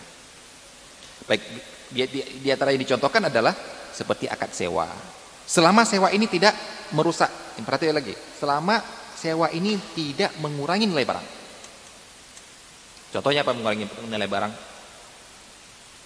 Nyewa ruko untuk bengkel, kira-kira ini yang jelas seperti itu. Nyewa ruko untuk rumah makan, bagus. Tapi nyewa ruko untuk yang kira-kira kalau terjadi sesuatu bisa meledak, bisa hancur, bisa terbakar, bisa ini. Saya larang gara-gara ini. Saya bukan larang nyewakan. Jangan jangan nyewakan untuk ini. Karena kalau menyewakan ini, nanti selama satu tahun bisa hancur rumah ini, akhirnya untuk dijual meluna, me, me, melunasi hutang saya menjadi sulit. Sewakan motor. Untuk apa? Untuk gini gini gini. Oh, nggak akan berbahaya, silakan. Tapi sewakan untuk motor untuk trail misalnya. Patah. Akan mengurangi hak. Jadi di sini istilahnya yang tidak menghilangkan haknya. Baik, seperti misalnya tanah. Tanah kalau di apa istilahnya? Diolah mengurangi hak enggak? Enggak. Tapi kalau tanah misalnya diapain misalnya kan? Dari tanah hijau kemudian diapain misalnya menjadi turun harganya. Oh, saya larang. Tapi kalau tanah ini kalau disewakan untuk ini, ini enggak ada masalah harganya masih tetap atau harganya naik, maka saya izinkan. Dan kalau ini saya tidak izinkan, saya boleh dipaksa untuk mengizinkan. Jadi ini wallahualam kita kita serahkan kepada uh, apa? Uruf, ada seseorang. Ini kira-kira kalau digunakan ini rusak nggak? Masuk rusak, jatuh nilainya nggak? Ya. Apakah tanah dengan di, di, dikeraskan makin tinggi harganya? Makin tinggi ya tanah tak sawah kemudian dikeraskan menjadi tempat tanam bukan bisa tinggi harganya. Oh, enggak ya apa-apa kalau gitu.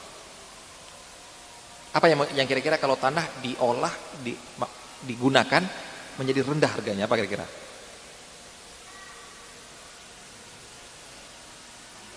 Tambah misalnya kan ataupun istilahnya seperti itulah. Jangan sampai mengurangi hak. Yang tidak mengurangi hak tapi malah dilarang berarti dia telah memudaratkan seseorang. Di sini tidak boleh la, la di sini kita perhatikan la darara wala dirar. Yang berikutnya, nah, pertambahan nilai dari barang gadai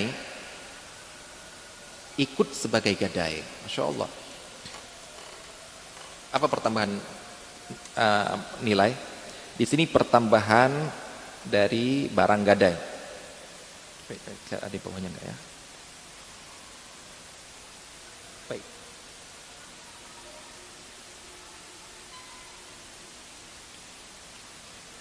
Bisa dia pertambahan nilai atau pertambahan apa istilahnya? Benda. Sapi beranak. Pohon berbuah. Rumah dapat uang sewa. Itu pertambahan dari nilai. Maka sewakan nggak apa-apa. Uang sewa itu ikut gadai. Sehingga makin memudahkan saya untuk dapat pembayaran. Yang dulu kalau dulu pembayaran nunggu kalau mau bayar nunggu jual rumah, sekarang uang tunai kan ada kan? Ada. Sisanya nanti baru kita cari nilai ataupun kita jual rumah. Jadi itu semuanya ikut menjadi gadai, maksudnya ikut sebagai gadai apa?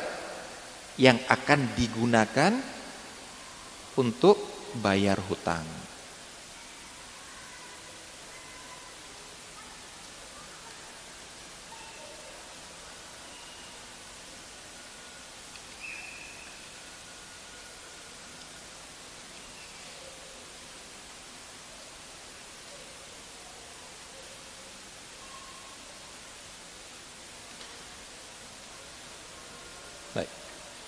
Kemudian biaya perawatan barang gadai.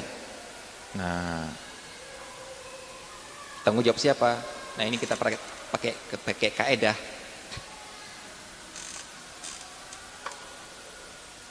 Siapa pemilik keuntungan, dialah yang harus eh, siapa pemilik keuntungan, dialah yang harus bertanggung jawab.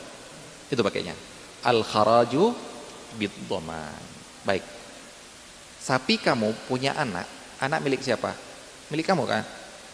Berarti kamu dari, dari satu sapi jadi dua sapi, makin untung kan? Makin untung. Berarti perawatan sapi itu tuh tanggung jawab kamu.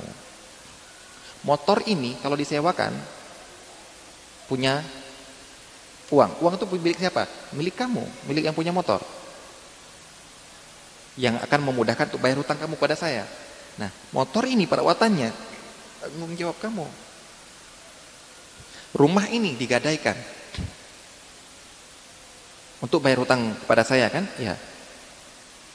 Rumah ini kalau nilai naik harganya naik, nilainya naik di pasaran, yang untung siapa? Ya kamu kan? Kamu. Baik. Berarti rumah ini tanggung jawab kamu dalam perawatannya. Jadi harus kita pakai kaidah ini. Siapa yang berhak mendapatkan keuntungan, dialah yang harus bertanggung jawab terhadap perawatan, kerusakan dari barang ini. Nah, berarti kalau rumah ini hancur separuhnya, yang rugi siapa? Ya, yang rugi ya, ya dia, ya yang punya rumah. Motor ini rusak, sapi yang sapi yang dijadikan barang gadai ini mati, yang rugi yang punya sapi. Karena yang pemberi hutang nggak rugi apa-apa dia. Hutang tetap. Cuma kalau dulu saya saya pembayarannya kalau kamu nggak mau bayar kita beli sapi ini, kita jual sapi ini, sekarang kamu nggak mau bayar, saya nggak bisa apa-apa lagi. Nah, nunggu kamu sampai mampu bayar saja. Bukan saya paksa kamu untuk jual sapi ini. Dulu saya bisa jual, paksa jual kamu. Uh, saya paksa kamu jual sapi. Saya paksa kamu jual mobil gara-gara mobil ini adalah baik barang gadai. Sekarang begitu mobil ini rusak, ya saya tunggu kamu punya uang aja. Jadi saya sebenarnya nggak rugi, cuma penyelesaian hutang itu tertunda sedikit lah. Itu maksudnya. Sudah, kita selesai nanti kita lanjutkan lagi insyaallah. Baik, sallallahu nabi Muhammad wa alihi akan kita lanjutkan nanti setelah Isya.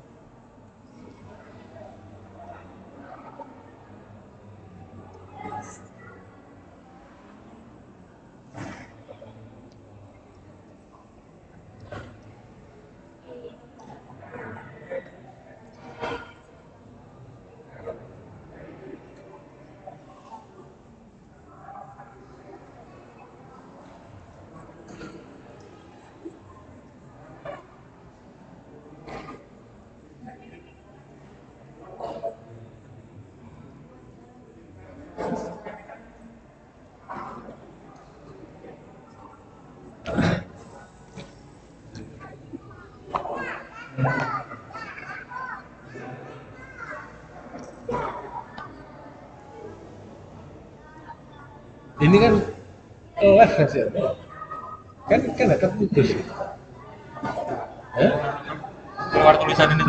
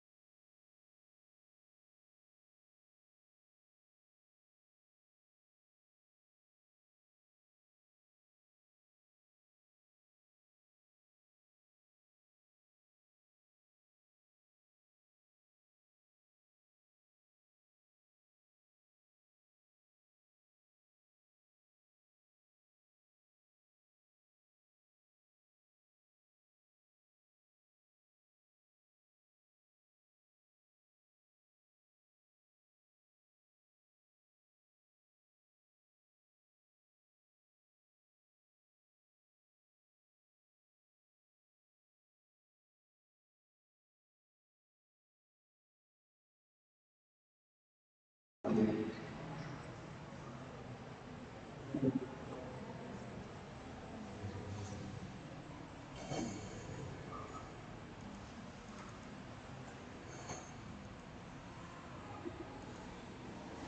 Então,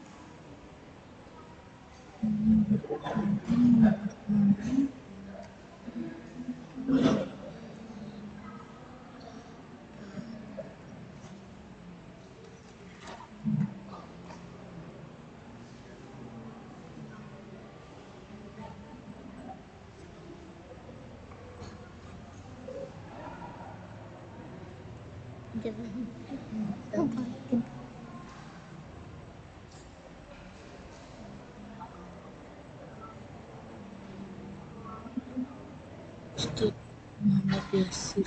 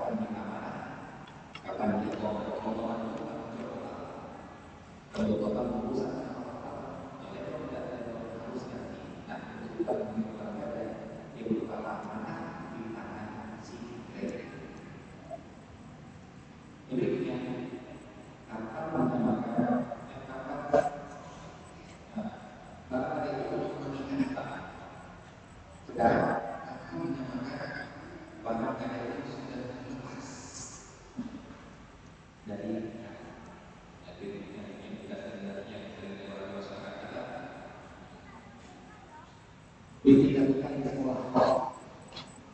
Karena bukan dari apaan sekolah. Dan ya, bila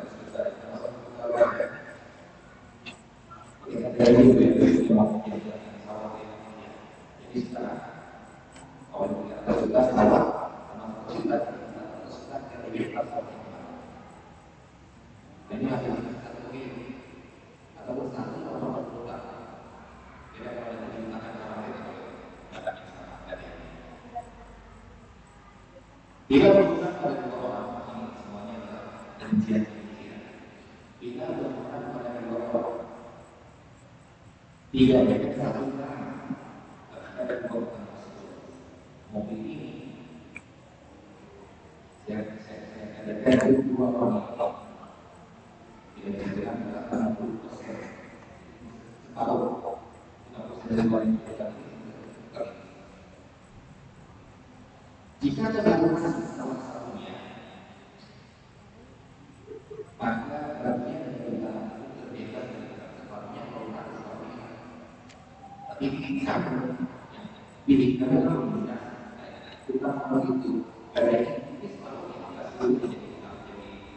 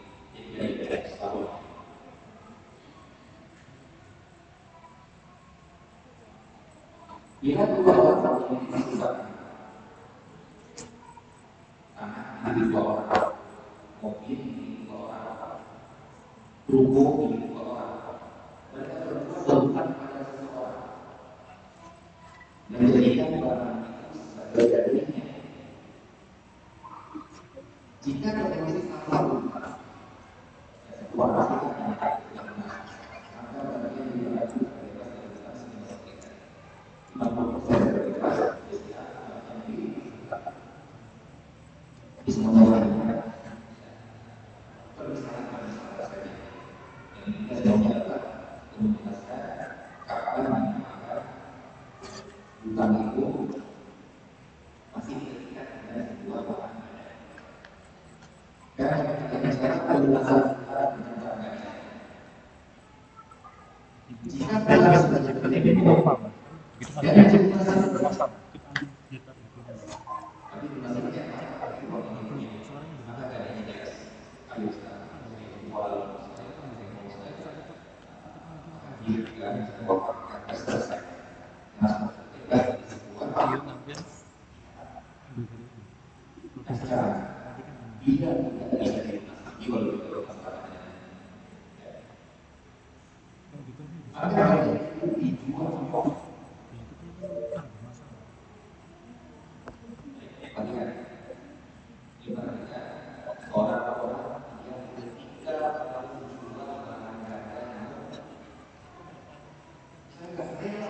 Atenas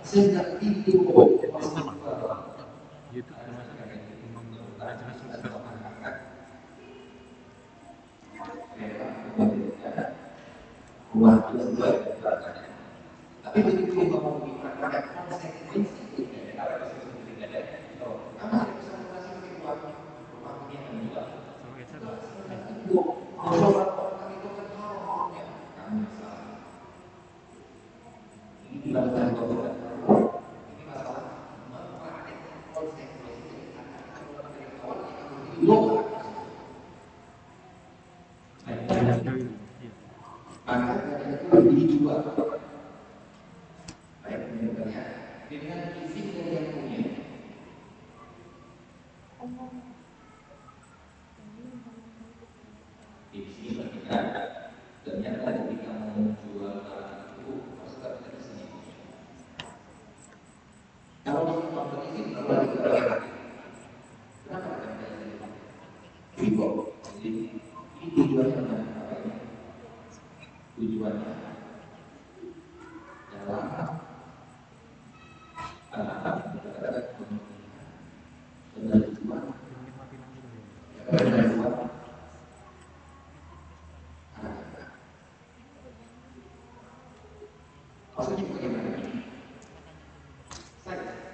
ngomong.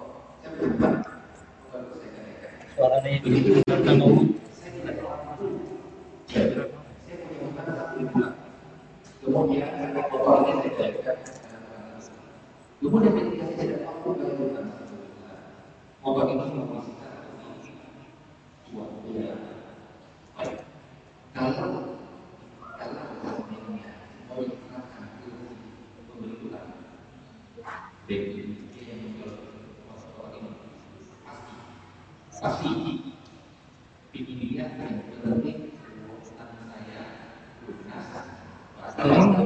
audio dia. Kok tetap jalan tak matikan badannya? Ya.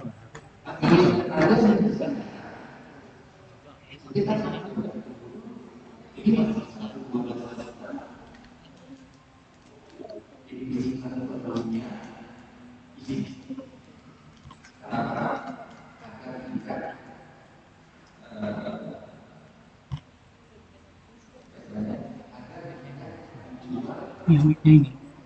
Masuk.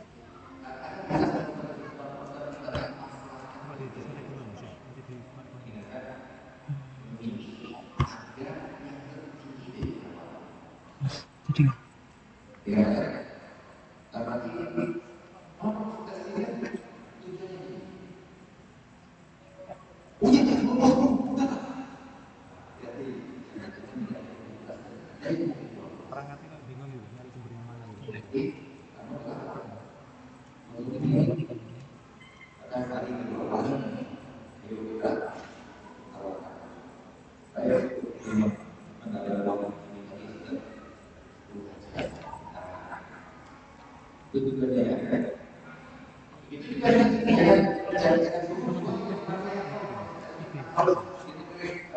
sama berarti dengan itu.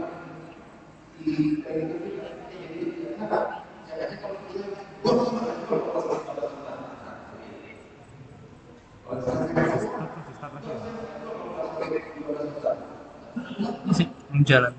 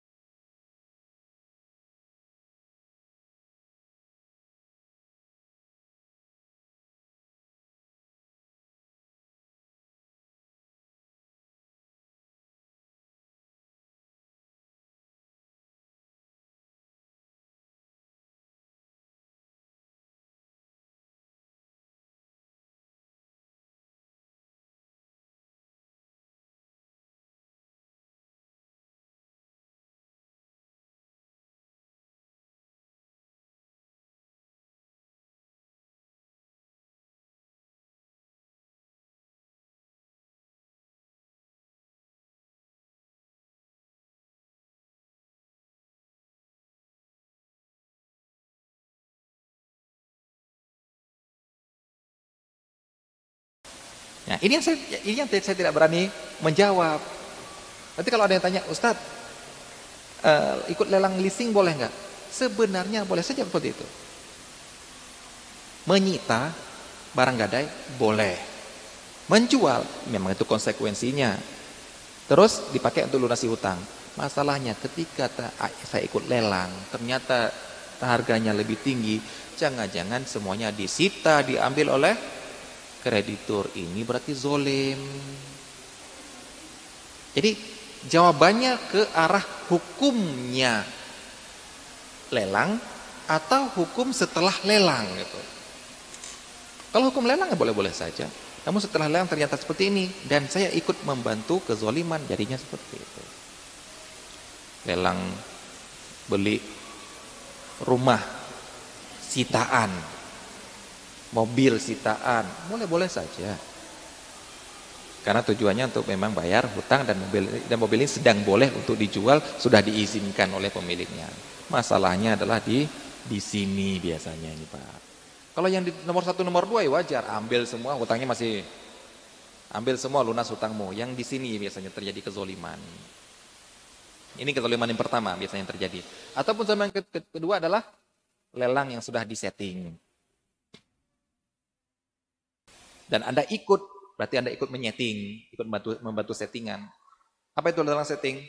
Dikasih uang-uang tutup mulut. Rumah harganya 2 miliar, ujung-ujungnya dapat cuma setengah miliar. Gara-gara apa? Lelang yang disetting. Ini kezoliman itu nggak boleh. Ya. Dan kezoliman yang sudah tersistem biasanya ini. Sehingga pemilik rumah nggak bisa apa-apa lagi. Yang menyistem ini punya kekuatan besar, kekuatan finansial untuk melegal, untuk melegalkan kezoliman dia dan ini makrum. Jadi perhatikan Pak ya, jawaban kita tentang hukum sitanya, hukum lelangnya, boleh-boleh saja. Tapi kemaksiatan di dalamnya tolong diperhatikan dalam menjawab soal. Jangan-jangan kita termasuk orang yang sedang membantu proses sebuah kezoliman. Kemudian, boleh bagi debitur untuk mengatakan dalam akad gadai. Nah, ini di sini Syekh Semin membolehkan. Jika saya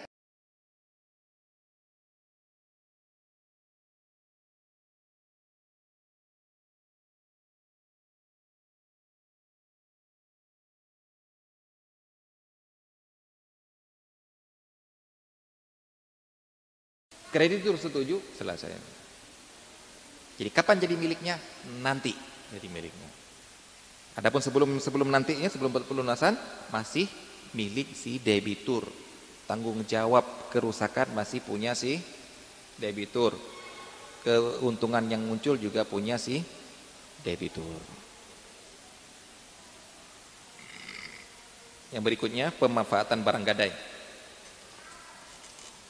Perhatikan Pak, sepakat para ulama. Tidak boleh tidak boleh bagi kreditur memanfaatkan barang gadai. Jadi kalau ada yang bilang khilaf, ini bahaya nih. Ini ada khilafnya ini, boleh. Khilaf ulama sopo. Ijma para ulama. Enggak boleh memanfaatkan barang gadai. Ustadz diizinkan. Apa jawabannya? Tapi diizinkan saat pakai aja mobil itu. Diizinkan. Tinggal aja di rumah itu. Jawabannya apa? Riba juga diizinkan, Pak. Namanya riba itu gara-gara diizinkan. Kalau nggak diizinkan namanya maling. Anda pakai tanpa izin, itu namanya maling. Kita sekarang sedang membahas tentang pemanfaatan dengan izin. Kalau pemanfaatan dengan dengan tanpa izin, bukan di sini bahasnya. Itu baling itu namanya. Ada tinggal di rumah orang tanpa izin, pakai mobil orang tanpa izin, itu haram. Gak butuh gadai apa pun haram Anda pakai itu. Sekarang barang gadai Anda manfaatkan diizinkan. Gak boleh. Pak. Kenapa? Riba. Anda mengambil manfaat dari hutang yang Anda berikan. Sudah kasih hutang, hutangnya dibayar lunak, uh, apa pas genap tapi Anda punya keuntungan pernah menggunakan mobilnya ke mana-mana. pernah tinggal di rumahnya. Apalagi sekarang memanfaatkan lahannya untuk pertanian dan mendapatkan keuntungan dari situ. Haram.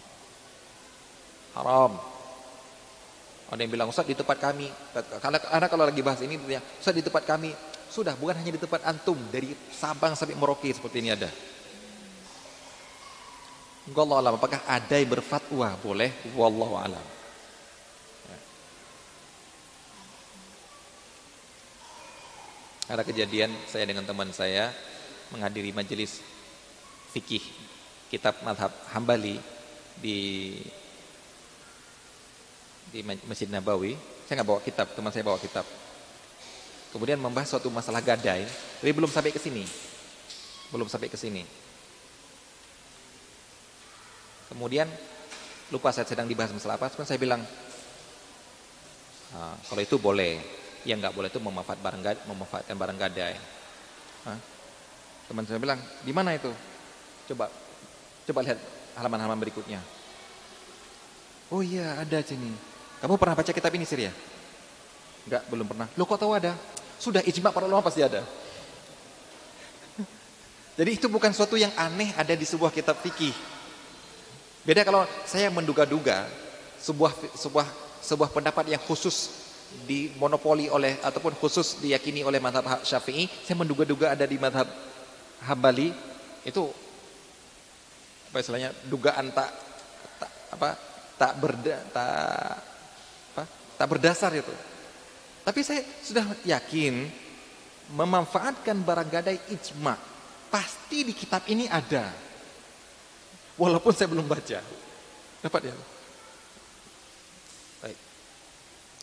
Kecuali, nah ini kecuali yang yang ini hanya khusus dipegang oleh madhab hambali.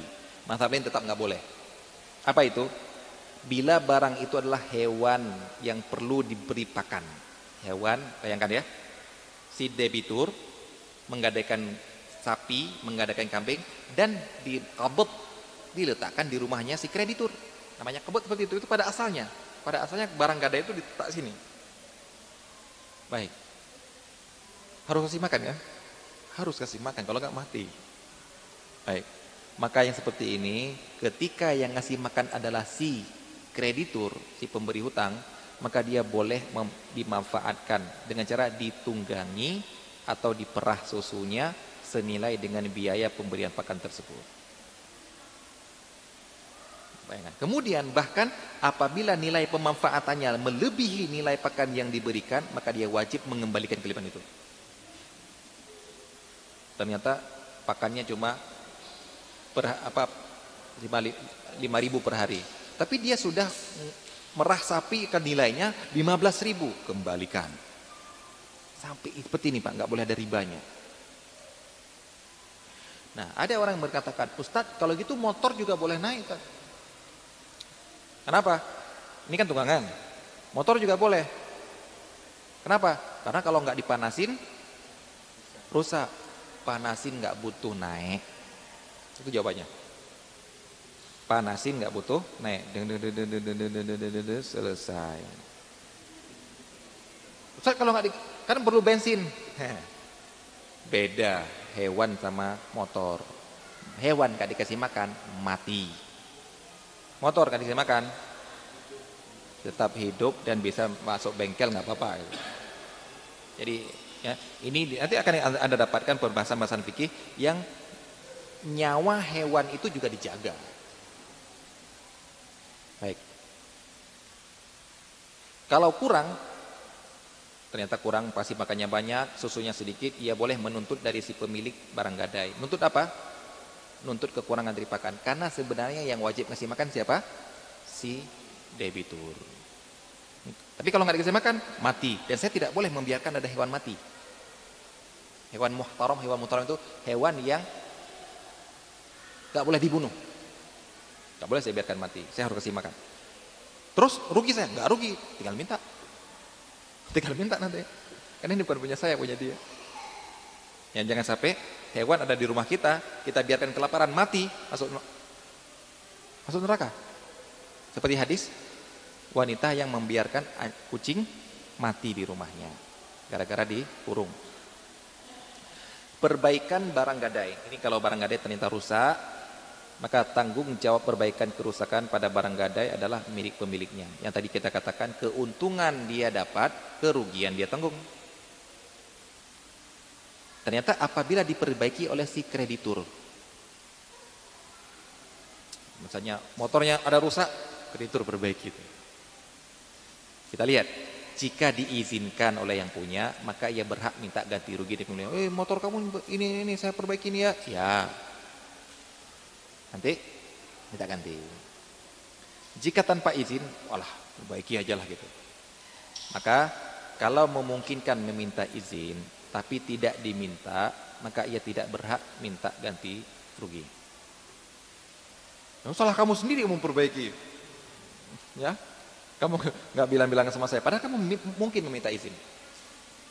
Kalau tidak memungkinkan minta izin karena sulit dihubungi, maka ia berhak minta ganti.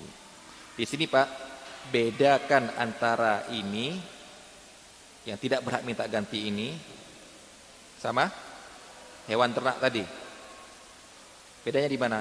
Hewan ternak kalau nggak dikasih makan mati. Jadi tanpa izin putus saya tetap kasih makan, uangnya nanti saya minta. Kalau ini beda, motor rusak, ah, rumah ada yang apa, rumah ada yang jendela yang rusak ataupun apa apa. Ya kalau saya biarkan nggak akan bermasalah. Bisa diperbaiki tahun-tahun depan besok-besok. Jadi saya apa minta izin dulu, telepon dulu, hubungi dulu. Kalau istilahnya? Hewan nggak ada. Per hari itu harus itu. Ini orangnya kok nggak kasih makan, yang gini-gini gimana ya? Kasih makan, nanti saya minta. Nggak bilang, oh nggak, apa? Nggak saya mau, saya nggak mau ngasih. Kamu nggak minta izin sama saya, kamu kasih makan sendiri? Enggak. Saya harus ngasih makan ini. Nggak bisa nunggu-nunggu kamu izin-izinkan. Saya harus ngasih makan ini. Baik, kalau nggak dia mati. Ini perbedaannya.